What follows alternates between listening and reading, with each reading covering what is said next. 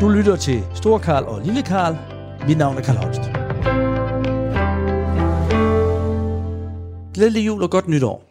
Mit navn er Karl Holst, og du lytter til programmet Store Karl og Lille Karl. Et program, hvor vi vil snakke om, hvad det gør, hvad det gør ved en, at man kommer igennem mediemøllen og ud igennem valserne.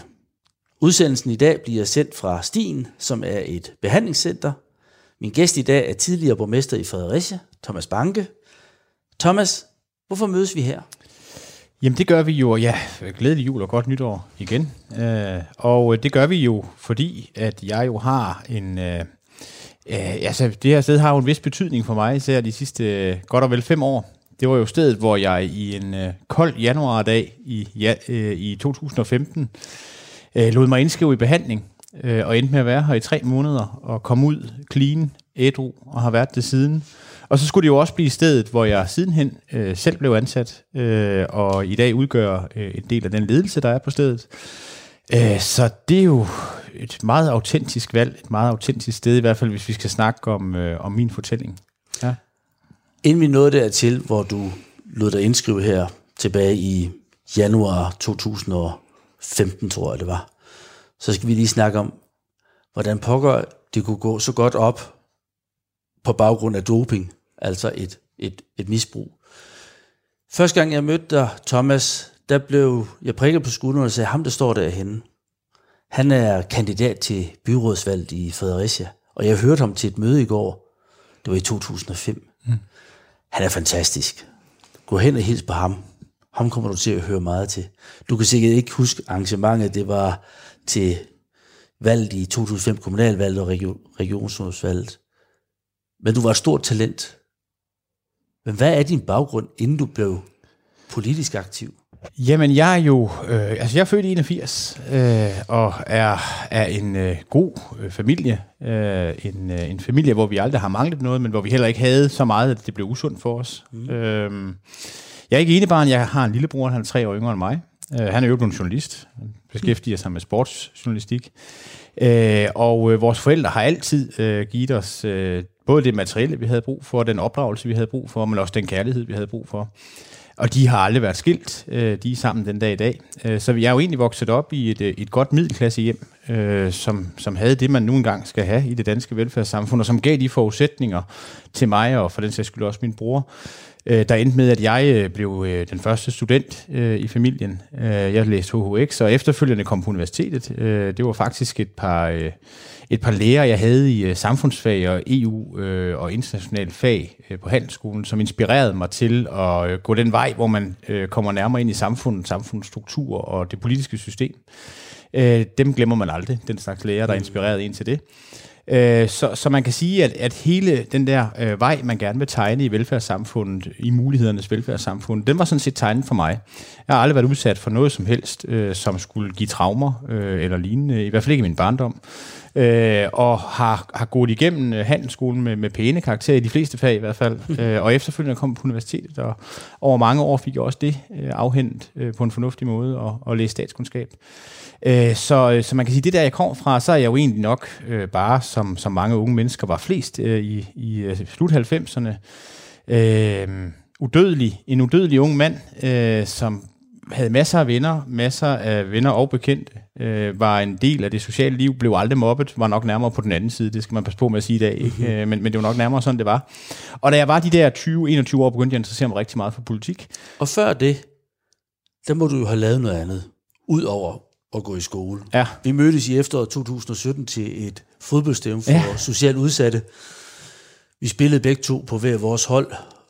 Du havde et fast hold, jeg var gæst på mig kunne man ikke se, at jeg faktisk kan spille fodbold som barn og ung. Øh, på dig var det ret tydeligt. Du må jo have haft et, et, et fritidsliv, et aktivt øh, liv også.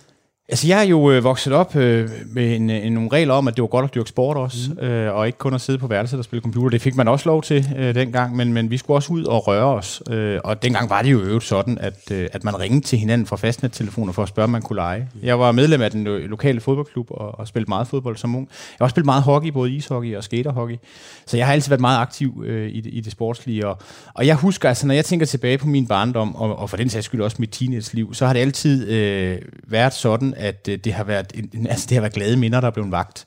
Øh, og, øh, og jeg har altid haft et stort socialt øh, liv. Jeg har haft et, et sportsliv. Jeg har haft et øh, interesseliv ved siden af. Jeg har egentlig øh, beskæftiget mig med mange af de ting, øh, som man vil anbefale for en ung mand at beskæftige sig med øh, dengang.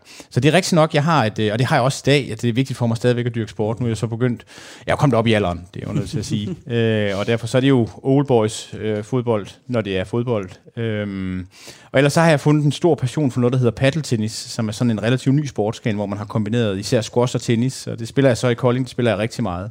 Så for mig har det altid været vigtigt at have det der øh, frie foreningsliv også at være en del af øh, inden for sport. Øh, så det var det. Jeg, jeg, jeg tror, hvis du tog en tidsmaskine og rejste tilbage i start 90'erne og mødte mig, så var jeg nok en livsglad ung mand, som var godt på vej frem og, og egentlig havde en god, tryg øh, barndomsramme omkring øh, min udvikling.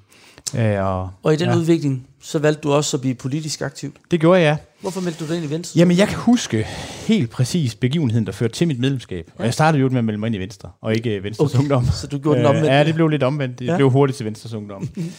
Øh, jeg var med handelsskolen over og demonstrere øh, for ligestilling øh, i takstilskuddet fra staten til ungdomsuddannelser. Det var en klassisk liberal øh, mærkesag for, for os dengang, at vi skulle være ligestillet med gymnasieeleverne. Så vi ville have de samme øh, tilskudspenge per elev, som gymnasierne fik. Det var selvfølgelig ikke særlig savligt, det viste sig jo sidenhen, da jeg blev klogere, fordi de havde jo noget biologiundervisning og noget, der sådan alt andet lige var dyrere. Ikke?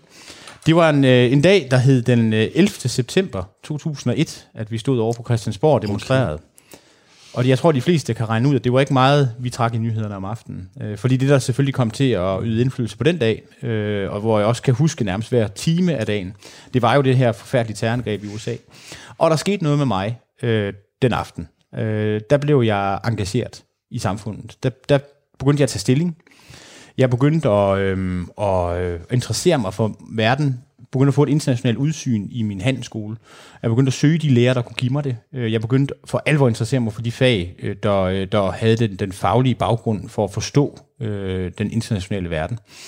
Øh, og, og det var sådan set der, det hele det startede. Øh, og der var folketingsvalg umiddelbart øh, efter, efter. Øh, terrorangrebet, øh, hvor jeg også sådan for, for alvor for første gang tog stilling til, hvem jeg synes, der skulle være statsminister i Danmark. Og jeg var helt, øh, jeg var helt vild med Anders Fogh Rasmussen. Jeg synes, han havde en meget statsmandsagtig måde at agere på. Jeg var mindre begejstret for Poul Nyrup. Mm-hmm. Det var sikkert ikke det mest politisk savlige grundlag, jeg havde, det, øh, havde at vælge på øh, på det tidspunkt. Men jeg kan godt huske i 98-valget, hvor jeg havde stor sympati øh, i min meget spæde øh, ungdom øh, for Uffe Ellemann Jensen, og, og det der meget, meget snævre valgresultat, der endte med ikke at gøre ham til statsminister. Øh, så det var sådan set øh, begivenheden omkring terrorangrebet øh, den 11. september 2001, og så det efterfølgende folketingsvalg, der fik mig til at melde mig ind i Venstre. Jeg meldte mig ind i Venstre, fordi det var Anders Fogh Rasmussen, der havde fået mig mm. til at tage stilling sådan for alvor til dansk politik. Og der kom jeg til et møde, jeg fik hurtigt sådan et medlems, et brev fik man jo dengang, øh, hvor der stod, at jeg kunne møde op til det her medlemsmøde øh, ude i Piested, hvor der så vi kom nogle byrådsmedlemmer og fortælle om hvad der nu rører sig i Fredericia Byråd. Og det, og det, og det kom jeg så til, og, øhm, og der vil jeg sige, at øh, der var det rigtig, rigtig godt, at der var en god gammel venstredame, der tog fat i mig og sagde, der er altså også noget, der hedder Venstres Ungdom, øh, som er noget andet. Og, og det blev jeg så også øh, medlem af. Det blev helt naturligt for mig. Og så, og så gik det jo slag i slag. Jeg dannede en lokalforening i Fredericia. Øh, var der ikke en i forvejen? Jo, den var død. Ja. Altså, den var... Øh, Mm. Den var ramt af sådan en foreningsdød, som provinsbyerne kan ramme sig, når de aktivt drager videre til de udenbys uddannelser. Ja. Øh, og den fik vi genoplevet. Den blev meget stor og meget hurtigt. Vi fik rigtig mange medlemmer. Vi engagerede os i byen og under byrådet og begyndte at lave et godt samarbejde med Venstres øh, folkevalgte. Øh, jeg kan huske, at øh, nogle af de øh, Christiansborg-politikere, der, der begyndte at, at komme ned og holde foredrag for os, det var nogle tidligere VU-formænd, for eksempel ja. Truls Lund Poulsen. Ja Øh, og, og derfor så gik det sådan set bare slag i slag. Øh, og, og så endte jeg jo også med at finde ud af, at der fandtes noget større end Venstres Ungdom i Fredericia. Der fandtes uh, Landstyrelsen dengang. Den findes sådan set stadigvæk. Den har bare ændret form. Øh, dengang var den baseret på amterne. Ikke? Men allerede i 2005, ja. det er jo ikke mange år efter, du er blevet medlem af Venstre og efterfølgende Venstres Ungdom. Der stiller du op til byrådet. Ja, det gør jeg. jeg, øh, jeg, øh, jeg altså... Og alle sagde til mig, han får et godt valg. Mm. Jeg tror ikke, de regner med, at du ligefrem ville blive valgt. Nej, altså... Havde du selv det? Nej, det havde jeg ikke. Øh, altså, jeg kom jo faktisk ind på et afbudsbillet, fordi vi havde en VU-kandidat på det ja. tidspunkt. Men, øh, men altså, det kan jo godt betale sig i demokratiet at, at gøre en stor indsats og, og gøre sig synlig og turde have nogle meninger og stå ved dem, mm. også når man er ung. På det tidspunkt var der flere venstrefolk, der sådan var begyndt at prikke mig på skulderen i de der år, og havde bemærket den der unge VU-formand, altså i Fredericia. Og, og sagt, at de mente nok, at den her opstillingsliste, den kunne trænge til lungt blod. Mm. Øh, og det var man ikke i tvivl om, man fik. Øh, altså, der fik man noget, et ondt, øh, ikke et ondt, et ungt liberalt et, øh, et tilsnit. Ja. Ondt, det er jo et spørgsmål om øjnene, der ser, ja, ja. men man fik i hvert fald, det var det, man ville have. Ja. Øh, så, så det er rigtigt, og jeg fik et rigtig, rigtig fint valg. Og, vi, øh, og, og så gik det også, så blev det jo et nyt kapitel tilføjet. Mm. Øh, men, men det var faktisk, på det tidspunkt, var det landspolitikken, der interesserede mig. Ja. Og det var karrierevejen i Venstres Ungdom, der interesserede mig. Ja. Fordi at øh, det, altså den politikerskole, der er i Venstres mm. Ungdom, den kan man jo godt få en masse kloge mennesker til at sige, at den er indspist, og den øh, ender med at uddanne nogle mennesker, der ikke har den fjerneste idé om det samfund, de lever i, fordi de er skole i de politiske ungdomsorganisationer. Mm. Altså jeg vil sige, jeg har både læst på Handelsskolen Universitetet, og hvis man virkelig vil i et maskinrum og have en forståelse for, hvordan demokratiet fungerer, så er det en rigtig god idé at være medlem af en ungdomspolitisk organisation, hvad enten det er VU eller DSU eller noget andet. Det har givet mig enormt mange gode oplevelser, enormt meget læring, og det var jo en direkte adgang til få regeringsministre, der kom til vores landsdækkende ja. arrangementer. Ja. Øh, så der fik man altså virkelig en stor forståelse for foreningslivet og det politiske, demokratiske, det, det, altså den politiske demokratiske maskine, som Danmark er, øh, hvor VU også udgør en eller anden form for gren øh, i den. Så det gik slag i slag, og jeg endte også med at blive landsformand i 2007. Mm. Jeg husker også, at vi to vi havde lejlighed til at øh, hilse på hinanden. Det var sådan første gang, jeg sådan for alvor ja. husker det. Der øh, var vi i gang med den der overgang fra, fra amter til regioner, ja. og hvor du skulle forsøge at overbevise en, mm. en flok meget skeptiske venstremedlemmer om, at det her det var en vis idé, Lars Løkke havde fået. øh, og det gik øh, overordentligt godt. Ja. De var meget overbevist om, at det var en god øh, struktur. Så der, altså, der begyndte man jo at møde de der klenodier i Venstre, mm. som mm. selv havde trådt deres barnesko i, ja. i Venstres ungdom. Ikke? Ja. Og det fællesskab, øh, som man er i en ungdom, har i en ungdomspolitisk organisation, det at føle sig som en del af noget, øh, der i øvrigt har en retning, værdimæssigt ja. øh, og politisk. Det, det tror jeg altså, man skal prøve at være i nogle år, før man sådan kan øh, udtale sig om, hvordan det for alvor er. Øh, ja. Så jeg husker også min VU-tid med, med, med stor, stor glæde. Og der havde du så, du gik på to ben fra 2005 og frem. Du havde din byrådskarriere som det, som det unge medlem, og så havde du din karriere som inden for Venstres Ungdom, hvor det gik rigtig, rigtig stærkt. Mm. Jeg oplevede dig til et VU-lands stævne, hvor jeg var der som gammel VU og tidligere VU-landsformand, og hvor du var den kommende ham, de talte om, som skulle være den kommende landsformand. Jeg tror, det var i, var det i syv? Du det var i 2007, Sønderborg, tror jeg. Ja. Og de snakkede meget om, hvor veltalende du var, hvad jeg så også selv fik mulighed for at, at, at kunne bekræfte. Var du selv klar over, hvor veltalende du var? Og hvornår opdagede du det i givet fald? Øh, altså, øh, det har altid fundet mig, altså jeg har altid været, været mindre nervøs og mere engageret, når jeg skulle prøve at opvise nogen om noget. Mm-hmm. Det er en god øh, forudsætning at have med sig, hvis man skal tale til nogle større forsamlinger. Ja. Det er sådan set helt grundlæggende en fordel, at man kan udtale ordene og sætningerne, og man egentlig glæder sig til det, mm. øh, frem for at lade nervøsens, nervøsitetens å øh, veje for tung på skuldrene. Ikke? Ja. Øh, så jeg var da godt klar over også i forhold til de sam altså jeg sammenlignede mig jo også med andre, at, at, at jeg havde, øh, jeg var lidt som en fisk i havet øh, i de her drøftelser og diskussioner, der var politisk. Du befandt dig godt. Ja, det gjorde jeg, men jeg blev også udviklet i Venstres Ungdom, og det ja. er vigtigt at sige. Ja. Øh, fordi det var ikke noget, jeg er ikke født øh, med de her egenskaber alene. Jeg er, jeg er født, vi alle mennesker er født med nogle forskellige egenskaber. Mit, mit er blevet trænet i den rigtige ramme. I 2008 har VU 100 års jubilæum. Ja. Du er VU-landsformand. Du bliver genvalgt i Kolding. Jeg er til stede som tidligere VU-landsformand. Min far er til stede. Vi er der alle sammen. Ja. VU'erne. Ja, det var fantastisk. Igennem historien. Fantastisk, et fantastisk øh, engagement. Du skulle være vært for det hele med statsminister og fest og hvad ved jeg. Jeg jagtog dig jo den weekend og så på dig som en, som for mig virkede i balance, tryg, befandt sig godt, ikke havde behov for at dulme nerverne, vi kommer ind på det lidt senere. Hvordan havde du det selv? Jamen, jeg husker vores 100-års jubilæum som en meget, meget, meget god oplevelse. Ja. Øh, og øh, en meget, altså vi havde jo Anders Fogh Rasmussen som statsminister, der var nede på Skamlingsbanken ja. og holdt sin tale, øh, hvor han jo også talte om, øh, om den her øh, øh overgangsregering, samlingsregering ja. under 2. verdenskrig, den måde, den førte politik på. Ikke? Og det blev en stor nyhed i øvrigt i de landstækkende medier, hans tale. Og vi havde det her store jubilæumsbal, hvor vi lavede os inspirere af tiderne. Der var en gang, hvor der var mange tusind medlemmer mm. i, i ungdomsorganisationen, de her høstbal. Øh, så, så jo, jeg befandt mig rigtig, rigtig godt. Altså på det her tidspunkt i mit liv havde jeg jo også en lidt dyster fortid, øh, fordi da jeg gik på handelsskolen har havde jeg jo periodevis, før jeg gik ind i politik, øh, nogle, øh, nogle, øh, nogle lidt eksperimenterende tilgange til rusmidler. Ja. Øh, det har jeg faktisk haft, siden jeg var 18-19 år gammel. Øhm, ja, du lavede ikke skjul på det. Nej, det har jeg ikke. Det har fordi jeg, du bliver landsformand, der nævner ja, det. Der, der fortæller det Ekstrabladet, ja. øh, fordi der er begyndt at køre rygter om, at jeg har haft en, en meget kuriøs og meget livlig, øh, interessant mm. festtid i Fredericia, det, og det er også rigtigt. Hvor kom øh, det fra? Ja, det er et godt spørgsmål. Øh, altså, jeg har altid... Øh, der var nogle, nogle rusmidler, som jeg, som, jeg har fundet, som jeg hurtigt fandt naturligt, efter jeg havde prøvet dem øh, som en del af en fest. Øh, altså, jeg, jeg tror, det er vigtigt at sige, at jeg er dårlig til alkohol. Har altid været. Siger du ja. ikke et sted, at for dig er det ikke et spørgsmål om at tage en øl? Nej. Det er enten i, drikker vi os i hegnet, eller også ja. drikker vi ikke. Simpelthen. Ja. Og ja, hvor kommer det fra? Jamen, det er et godt spørgsmål. Øh, det kommer jo fra en eller anden form for defekt inde i min, øh, min hjerne, mm. som har svært ved at sige stop, når først den får en eller anden form for stof. Grunden til, at jeg sådan... Det er ikke for din opvækst eller nej, yder? Nej, jeg har ikke oplevet noget, som, som, som skulle give anledning til at blive inspireret til det. Men, det er ikke noget, jeg har lært fra barns ben af. Hvordan føles det? Jamen, ja. Eller kommer det til udtryk? Jamen, jeg har jo selvfølgelig også, da jeg var i behandling hernede, forsøgt at, at rensage øh, med mig selv. Hvor, mm. Hvorfor er det, at, at jeg er udstyret med den her manglende stopklods? Mm.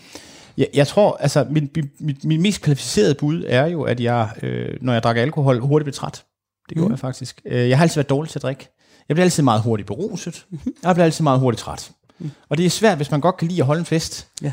og blive ved, hvis man efter de første par timer enten sidder og overvejer at tage hjem, eller drikke så meget, at man slet ikke kan være til mere.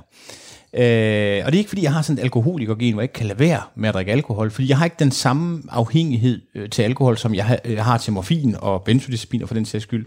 Men jeg fandt jo ud af, at hvis jeg jeg mødte nogle lidt ældre øh, mennesker i Fredericia, som introducerede mig for det her lidt britpoppet miljø, øh, hvor vi var sådan lidt, lidt, lidt smarte og mm. hørte det rigtige musik og gik rigtig klædt, og der tog man lidt kokain. Og det prøvede jeg. Og der konkluderede jeg med mig selv, at det her det er jo vejen frem for mig i forhold til alkohol, for nu kan jeg holde mig vågen hele natten. Ikke også? Ja. Øh, og så kunne jeg godt lide følelsen øh, af det. Og, og så fandt jeg også hurtigt ud af, at øh, når jeg nu havde taget kokain hele natten, og jeg gerne ville sove, så var det godt at komme lidt ned på jorden igen. Så var der noget, altså has, det virkede rigtig godt til det. Øh, og, og sådan fik jeg jo egentlig et laissez-faire forhold til de her ting her, øh, uden nu at have et misbrugsproblem, der var synligt mandag til fredag. Jeg, jeg gjorde det i de perioder, hvor jeg ikke havde en fast kæreste. Øh, I weekenden, når vi festede ekstra meget, så var jeg med på de her øh, vogne her. Mm. Øh, nogle gange spændte jeg mig selv for øh, foran. Mm. Øh, og så havde jeg perioder med kærester, hvor jeg ikke havde gang i alle de her ja. ting. Jeg har aldrig nogensinde været alt for god til det der med at være beruset. Jeg laver mange problemer, når jeg er fuld. det tænker jeg, at mange mennesker gør, men, men jeg, jeg er i hvert fald derhen, hvor jeg godt kan erkende det. Jeg, jeg har det med at, at skabe rigtig mange problemer for mig selv, når jeg drikker alkohol. En af påstandene, det var jo noget vold, kan jeg huske. Ja. Var ja, det, der har været lidt... Øh, var det snak eller tobak, eller var der noget om det? Der var meget snak, ja. øh, ikke? Øh, men altså, jeg har jo været i nogle klammerier, det er der ikke nogen... Det er ingen grund til at lægge skjul på. Nej. Altså, øh, men det er mange år siden, ja. og hvis man kigger på mig i dag, så vil man jo også tro, det var løgn. Men det hørte sig jo til spændingen. Ja. Øh, og øh, altså, på et tidspunkt talte jeg med en, som, øh, som spurgte mig, hvorfor jeg egentlig havde den her enorme dødsdrift. Mm. Øhm, det havde jeg faktisk svært ved at svare på. Ja. For jeg har ikke set det sådan. Men det kan godt være, at der er noget om snakken, at, at når mit, lige præcis det kommer til de her forhold her i mit liv, ja. øh, så har jeg en dødsdrift. Øh, jeg, jeg har i hvert fald ikke nogen respekt øh, for grænserne. Mm-hmm. Øh, og, og jeg vil have det, der passer sig til den tilstand, jeg er i, og jeg har svært ved at stoppe jagten. Super. Du lytter til programmet Store Karl og Lille Karl, og min gæst i dag er tidligere borgmester i Fredericia, Thomas Banke. Vi snakker om, hvad det gør ved en at komme igennem mediemøllen og ud igennem valserne. Og det har du jo prøvet, Thomas, om nogen, kan man sige. Men vi er ved at snakke om din politiske karriere, hvordan du har et højt festliv, en byrådsmæssig karriere, en VU-mæssig karriere, bliver VU-landsformand og bliver genvalgt i 2008, sidder frem til, til 2009, hvor du så bliver øh, borgmesterkandidat efter en periode i, i byrådet. Hvordan havde du det med det i den unge alder? Gav det dig et pres, som gjorde, at du skulle stule med nerverne, eller havde du den samme, hvad skal man kalde det, balance i livet og, og selvtillid, som jeg oplevede, du havde i 2005, da du var opstillet første gang? Jamen, det tror jeg bestemt, jeg havde. Mm. Øh, jeg, jeg var ikke, jeg følte mig ikke, altså, i takt med, at karrieren bliver mere politisk og, og mere øh, synlig, ikke mindst i mediebilledet, mm. øh, både i byrådet og også i Venstres Ungdom, som landsformand i Venstres Ungdom, man er jo også eksponeret øh, mm. i en eller anden form for svær grad nogle gange, ikke? Mm. Øh, der, der skærer jeg jo kraftigt ned på de her festaktiviteter. Det hjælper også at få en fast kæreste, ikke? Ja. Øh, sådan meget fast på det tidspunkt. Øh, så, det er nærmest et ægtepar jo. Ja, det kan man sige. Altså, det er tæt på. Vi, vi mødtes jo på kongeskibet en gang, hvor ja, I ja, ja, kom som et ægtepar. Ja, det er rigtigt. Ja. Det er rigtigt. Øh, og det var jo en hyggelig aften ja. øh, på kongeskibet. Mm. Men, men altså, det er jo, øh, det er jo altså, jeg, jeg, jeg er jo godt klar over, at det her det skal holdes på et absolut minimum. Fordi mhm. jeg ved jo godt, det er uforenligt med at have en ordentlig politisk karriere i mhm. Venstre, øh, og samtidig kunne synes, at kokain og has og hvad man ellers skal finde på, det, ja. er, det er noget, man skal prøve. Ikke? Mm. Øh, så det er faktisk på et helt minimum. Og da jeg bliver borgmesterkandidat, der er det jo først og fremmest fordi, at den, der sidder som borgmesterkandidat har været det fire valg i streg, ja. øh, ikke ønsker mere. Ja. Og så mange har vi altså heller ikke at pege på i Venstre.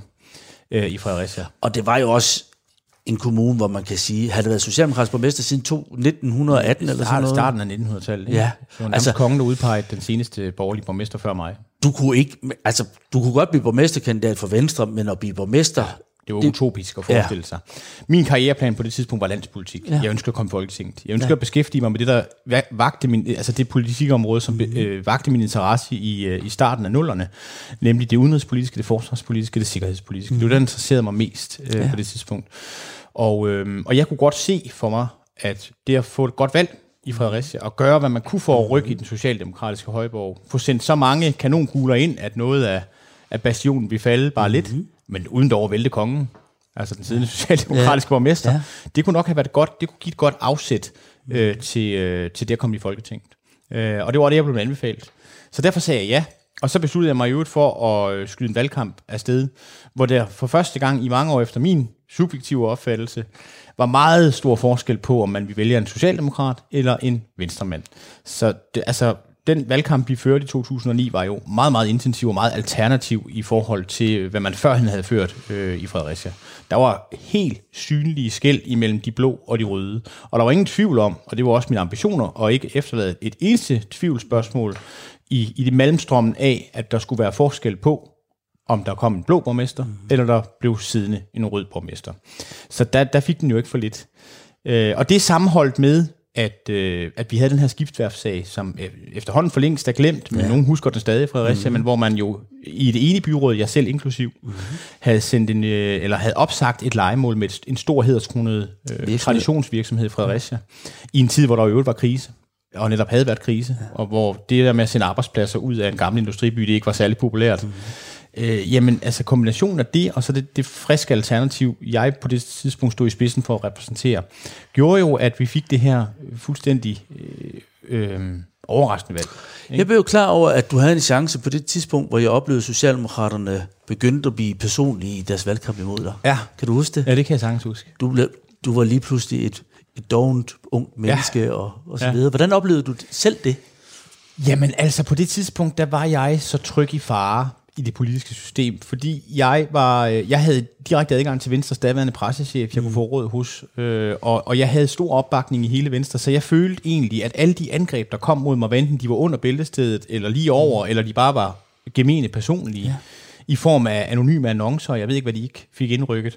Altså for mig var det bare en bekræftelse i, at jeg var på den helt rigtige kurs. Sådan. Og det var så tiltrængt at få skiftet ud øh, blandt de her nu efterhånden meget desperate øh, socialdemokrater og lignende. Ikke? Øh, så jeg det var nervøs for dig. Det. Jeg var løs for dig og spurgte, hvordan har du det ja, med de personangreb? Og øh, husk tydeligt, at du svarede, jeg har det godt med det, for hver gang de angriber mig, så gavner det. Ja. Mente du det? Ja, sådan havde jeg det på det tidspunkt. Der var ikke, altså der, jeg, var, jeg, var, øh, jeg var helt fuldstændig øh, stålsat øh, på at, øh, at gøre hvad som helst for at vinde den øh, bastion, der hedder Fredericia. Jo mere de slog på mig, desto mere bekræftede jeg mig selv i, at det her det er simpelthen fordi, vi har, vi har fat i noget af det rigtige og nu er de så desperate, fordi vi har de bedste svar over for de fredericianske vælgere. Øh, og derfor blev jeg ved ufortrøden. Og jeg havde ikke, altså mine omgivelser var langt mere øh, påvirket af de her, mine nærmeste omgivelser, af de her personangreb, end jeg selv var. Mm. Øh, jeg havde det virkelig ikke, øh, jeg, jeg havde det ikke øh, hverken hårdt eller følelsesmæssigt øh, nedtryk med det overhovedet. Tværtimod, det bekræftede mig blot i, at jeg var på den rigtige kurs. Super. Du lytter til programmet Store Karl og Lille Karl. Min gæst er Thomas Banke, nu skal vi have nyheder, og så fortsætter vi efterfølgende. Du lytter til Stor Karl og Lille Karl. Mit navn er Karl Holst. Velkommen tilbage til programmet Store Karl og Lille Karl, og velkommen tilbage til dig, Thomas. Tak skal du have. Vi er ved at snakke om din politiske karriere, der jo toppede der i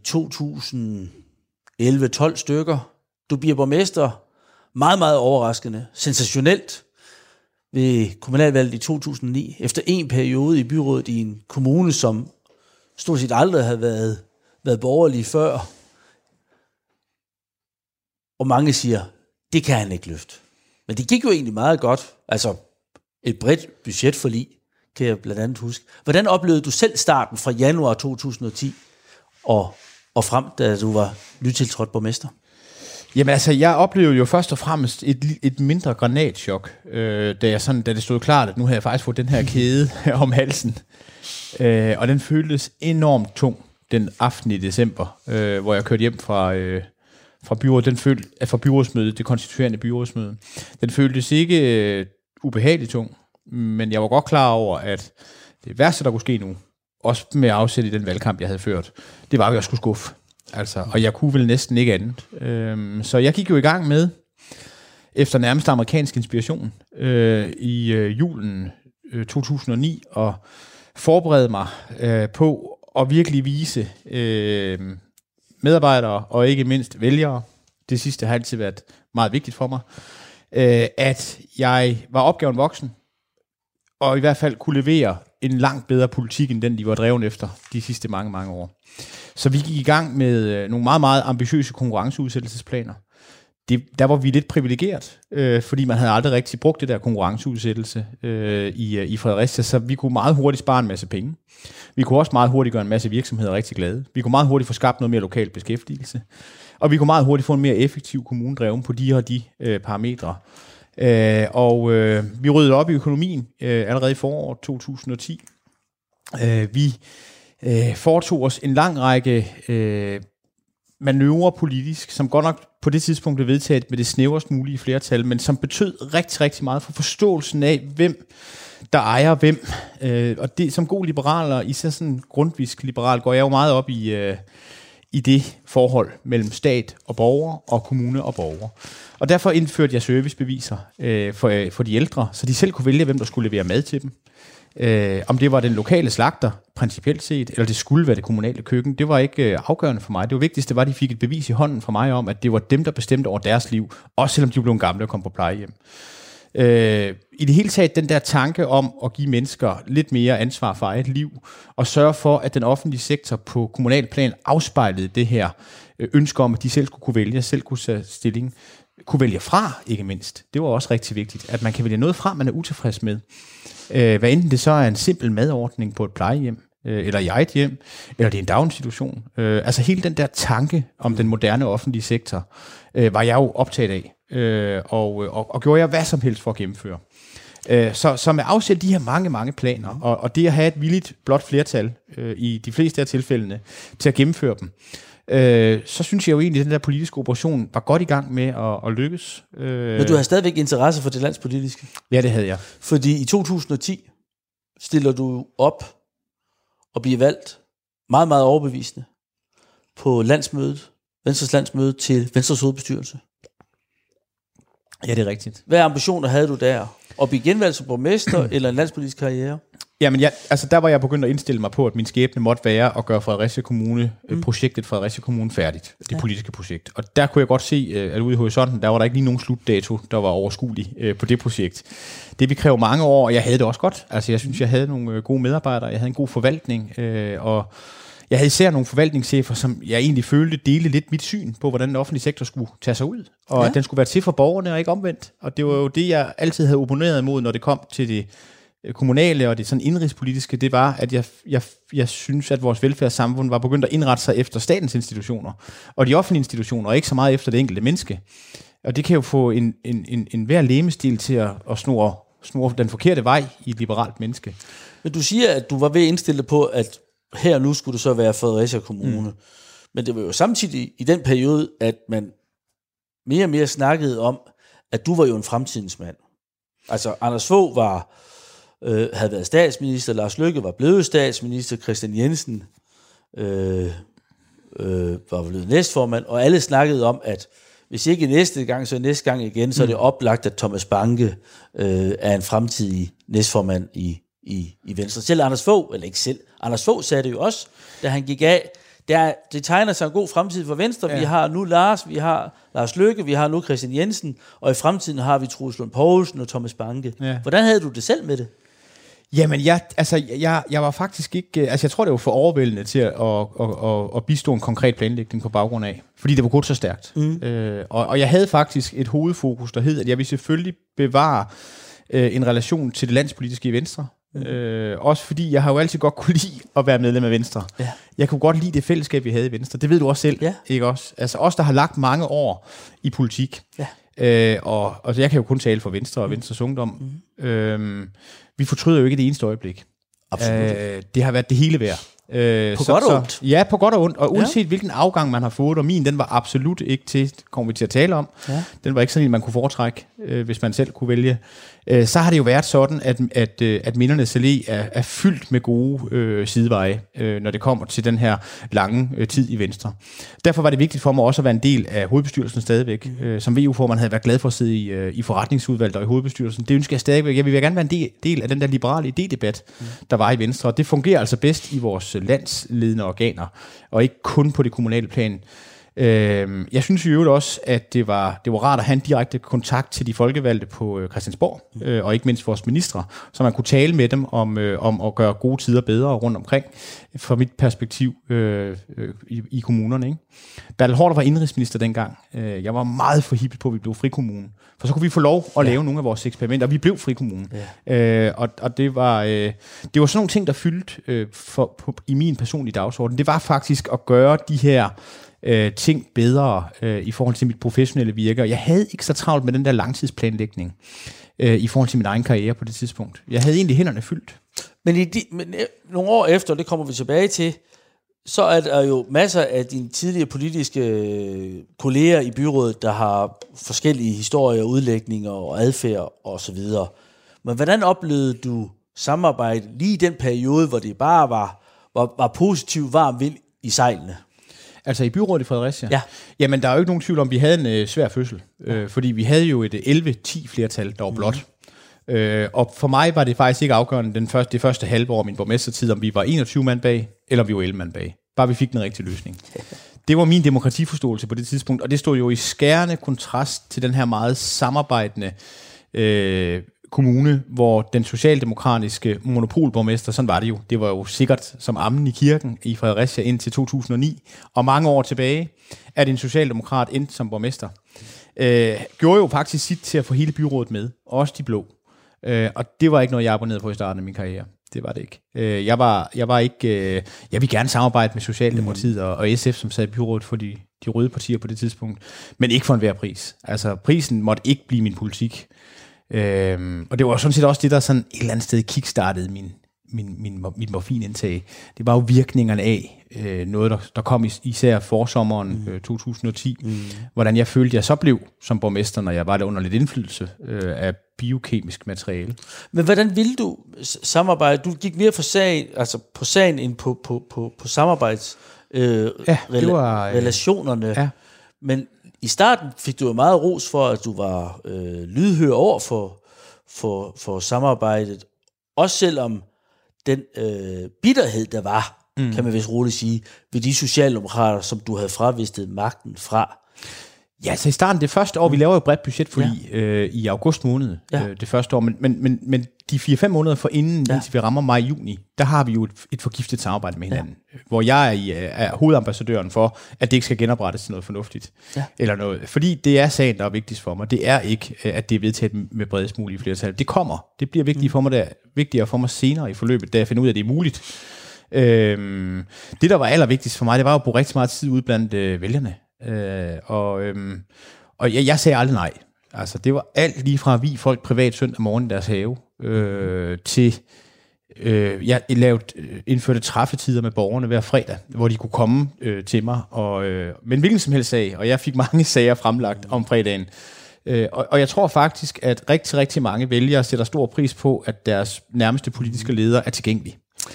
Ja. Hvordan har du samarbejdet med dine byrådskolleger? Nogle har siddet i byrådet lige så længe, som du havde levet nærmest. Ja. Og, men havde dog oplevet fordelen ved at få borgmesterposten. Hvordan var samarbejdet internt øh, i Venstre? Jamen altså, samarbejdet øh, var jo egentlig, øh, altså der var jo en lykkerus mm. øh, i, i den første periode, Ja. ikke? Øh, hvor alle jo havde en respekt for, at nu havde vi i fællesskab fået det her mandat til at, øh, at, at vedtage flertalsbeslutninger i byrådet, og det skulle vi forvalte med, en, ma- altså det skulle vi forvalte med, med både ydmyghed, forsigtighed, men med, med, med på en kompetent måde. Mm.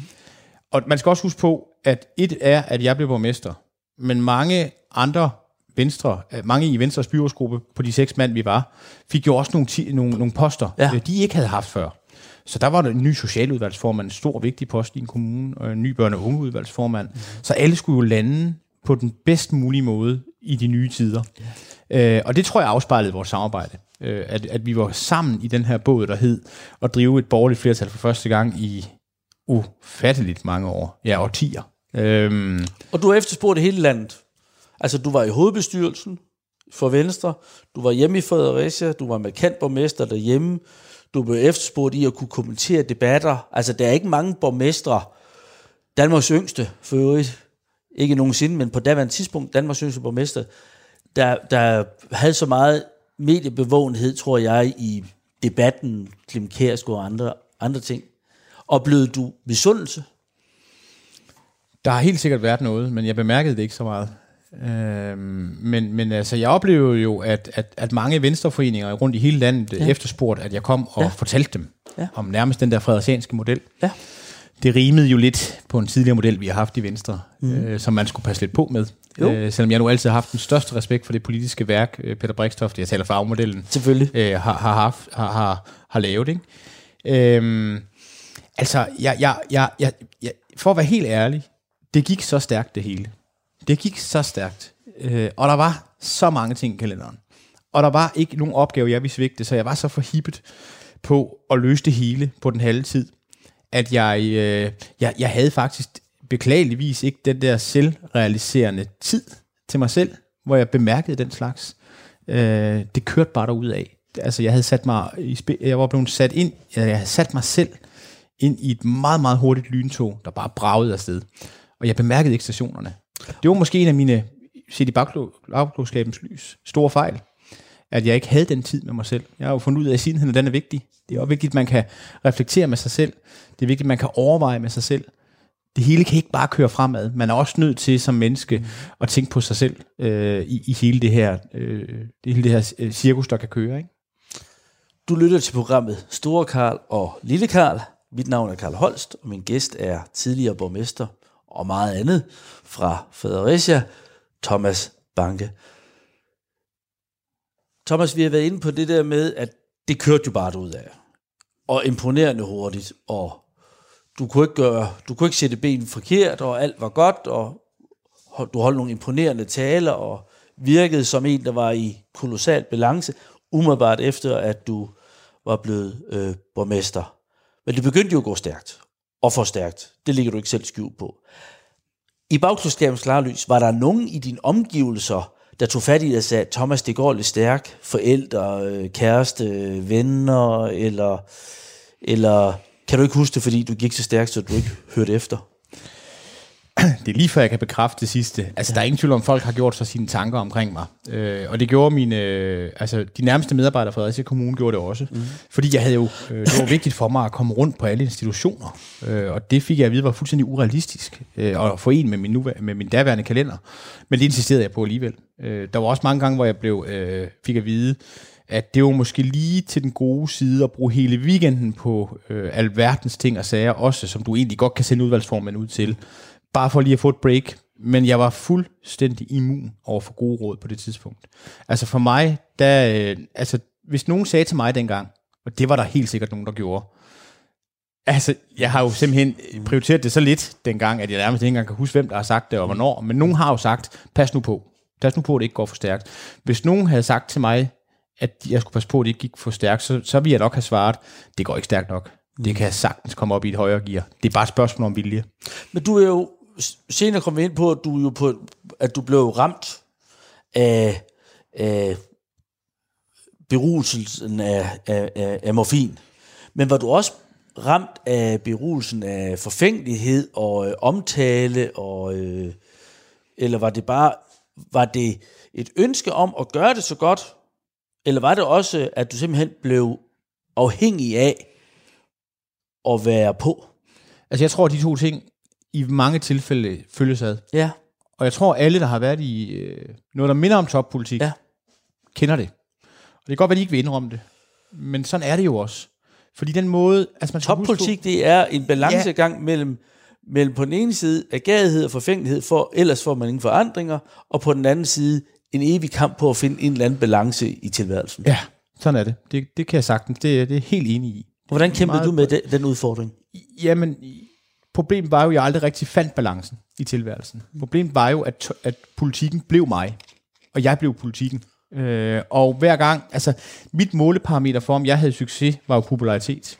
Hvis jeg fik gode refleksioner, hvis jeg fik gode tilbagemeldinger, hvis jeg fik ros, og det får man altså, når man har, man får en hel del af det, når man har så meget øh, fart på sin karriere, så var det mit øh, pejlemærke for, om jeg gjorde det, jeg skulle, og om tingene var på rette kurs. Mit pejlemærke var ikke, hvordan jeg selv var ved at blive slidt op af den her proces her. Mit pejleværke blev ikke at stoppe op en gang imellem og prøve at få lidt balance i mig selv. Min balance, den var det offentlige tjeneste, øh, og den var at få fart på den her karriere her, og hvis den gik stærkt, så skulle den gå endnu stærkere. Jeg synes ikke, jeg havde, jeg, jeg husker ikke, at jeg havde sådan en øvre bar, hvornår, hvornår nok var nok. Altså som politiker, og ikke mindst som borgmester, eller for den sags skyld som, som minister og lignende, eller regionsrådsformand, mm. så ved man jo, at jobsamtalen, ja, den er jo tidsbestemt. Den skal ske på et tidspunkt, og der er rigtig mange, der skal bedømme dig. Ja. Derfor tror jeg hurtigt, man kommer til at bilde sig selv ind, at den eneste måde, den jobsamtale kan forløbe mest muligt succesfuldt på, og det skal den jo gerne, og at stemmetallet kan blive endnu bedre, det er ved at fortsætte med det, der virker. Det er ved at fortsætte med at få gode anerkendelser, gode røster omkring sig. Og så bliver man jo i den proces et eller andet sted også lidt forfængelig. Det gør man jo, øh, fordi den forfængelighed, man, man mærker, og, og som man begynder selv at udvise, det er jo den, man har bildt sig selv ind, skal give en succesfuld jobsamtale ved næste valg.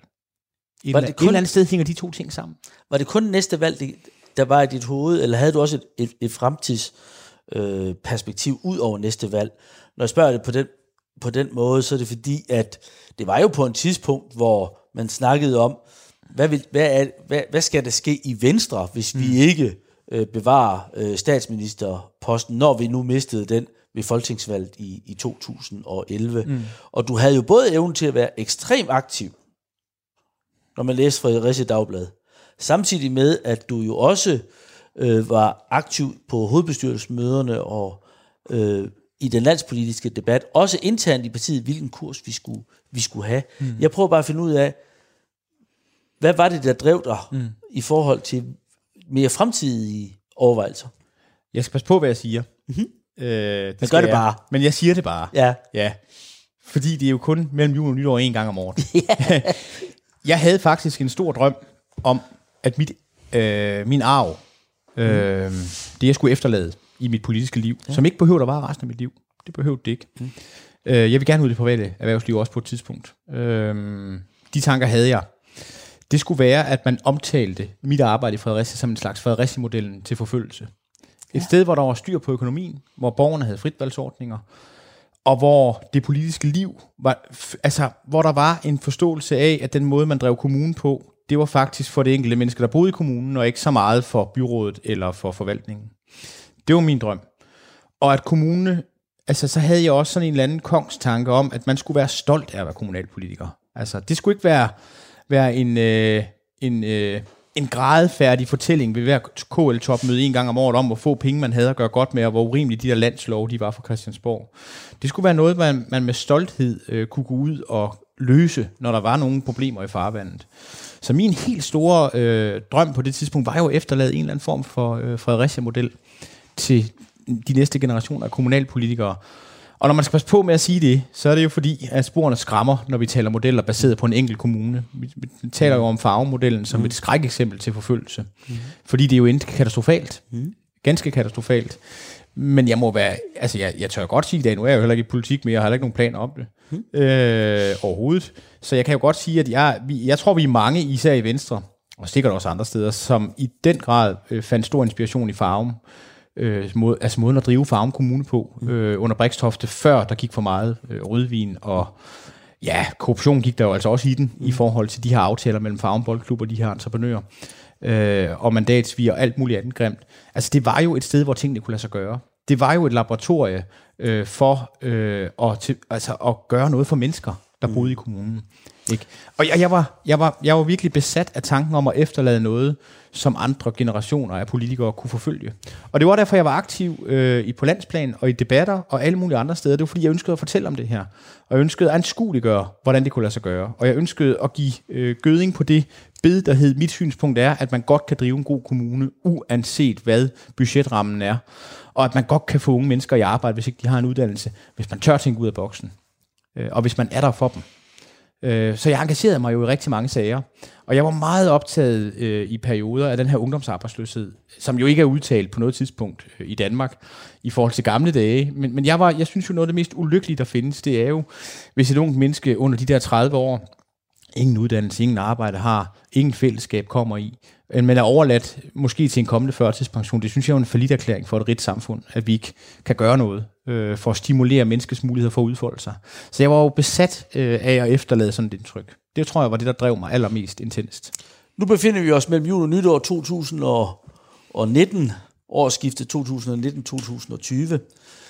Hvis vi ser tilbage til årsskiftet 2011-2012, så vil jeg vurdere, at det var der, hvor du var på toppen af din karriere. Alle talte om dig. Du revsede også borgmesterkolleger, også for dit eget parti.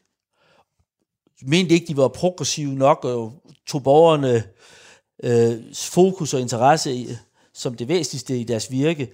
Oplevede du øh, misundelse? Jeg oplevede konflikter. Hvordan? Og, og hvordan, hvad der har været afsættet øh, for de konflikter, det er svært for mig at være klog på i dag. Mm. Men jeg oplevede, jeg især, øh, i, øh, når vi samledes borgmesterne ja. i, øh, i hele, altså venstreborgmesterne, øh, på landsplan, især i KL-sammenhæng, øh, der havde jeg mange konflikter. Øh, og der var ingen tvivl om, at jeg følte, at, øh, at andre så mig som en, der ikke vidste bedre. Altså sådan en, øh, en student, der kom ind fra sidelinjen og med alle sine skuffeplaner, som hørte sig bedst til i elfenbenstårnene, slet ikke havde en forståelse af, hvordan kommunalpolitik bør fungere. Øh, og, og, og altså min måde at reagere på på det, var jo ikke ydmyghed og lægge mig fladt ned og sige, jamen det har I også ret i, I har også været det i mange, mange flere år end mig, så jeg må hellere høre efter, hvad I siger. altså mit svar var jo svar på tiltale. Mit svar blev jo, I er forstokket. Det er jer, der ikke har forstået det her. Det er jer, der har siddet for længe. Øh, og nu skal I høre, hvordan man gør. Og det giver jo ikke umiddelbart god bund for, at konflikten ophører. Øh, det gør den kun værre. Øh, så man kan sige, på, altså, jeg har aldrig altså jeg har aldrig nogensinde været beskyldt for politisk at være et meget diplomatisk menneske. Jeg, jeg har altid øh, virkelig forfulgt mine mål, fordi jeg har tro på dem. Og det gav konflikter. Om det har været jalousi, der har givet anledning til, at, at jeg kom i konflikt med folk, det ved jeg ikke. Jeg tror for mange af de gamle venstreborgmester på det tidspunkt, der har det nok bare været... Øh, altså jeg tror bare, det har været sådan en slags... Øh, øh, altså de har set på mig som en med, med en vis ungdomligt hovmod. Og et er jo, jeg havde det over for dem. Men hvad værre var, jeg lyttede slet ikke, når de sagde det til mig. Så blev jeg bare værre. Og det har skabt nogle konflikter øh, rundt omkring. Det, det havde det helt sikkert. Der var ingen tvivl om, at på det tidspunkt, øh, hvor jeg var, øh, kan vi sige, på toppen i min kommunalpolitiske karriere, der stod det ikke lige for døren, at jeg skulle have en toppost i KL på noget som helst tidspunkt. Nej. Der var jeg ikke, øh, der følte jeg mig, altså jeg havde, der var også nogle af, af mine daværende kollegaer, som virkelig forsøgte på venlig vis at give mig nogle rigtig gode råd. Lars øh, Krav var en af dem, mm. som alt, han er jo noget af det mest runde og noget af det bedste Venstre nogensinde har fremavlet øh, inden for det kommunale. Ikke? Øh, så sådan en som ham, som jeg havde stor respekt for, ja. ham kunne jeg aldrig nogensinde finde på at gå direkte i kødet på. Øh, han prøvede sådan set også at rette lidt op på mig med nogle samtaler, men det lykkedes ikke rigtigt. Øh, det gjorde det desværre ikke. Desværre, det ved jeg ikke. Nogle skal jo have den der rebelske rolle, ikke? Sådan, øh, sådan er det. Ja. Men i hvert fald var vi i den situation, at årsskiftet 2011-2012, der kunne man ikke læse en analyse omkring fremtidens folk i Venstre, uden at der stod Thomas Banke på listen over fremtidens mand. Du var en stor, stor stjerne i Venstre. Du lytter til Store Karl og Lille Karl. Efter nyhederne er vi tilbage igen.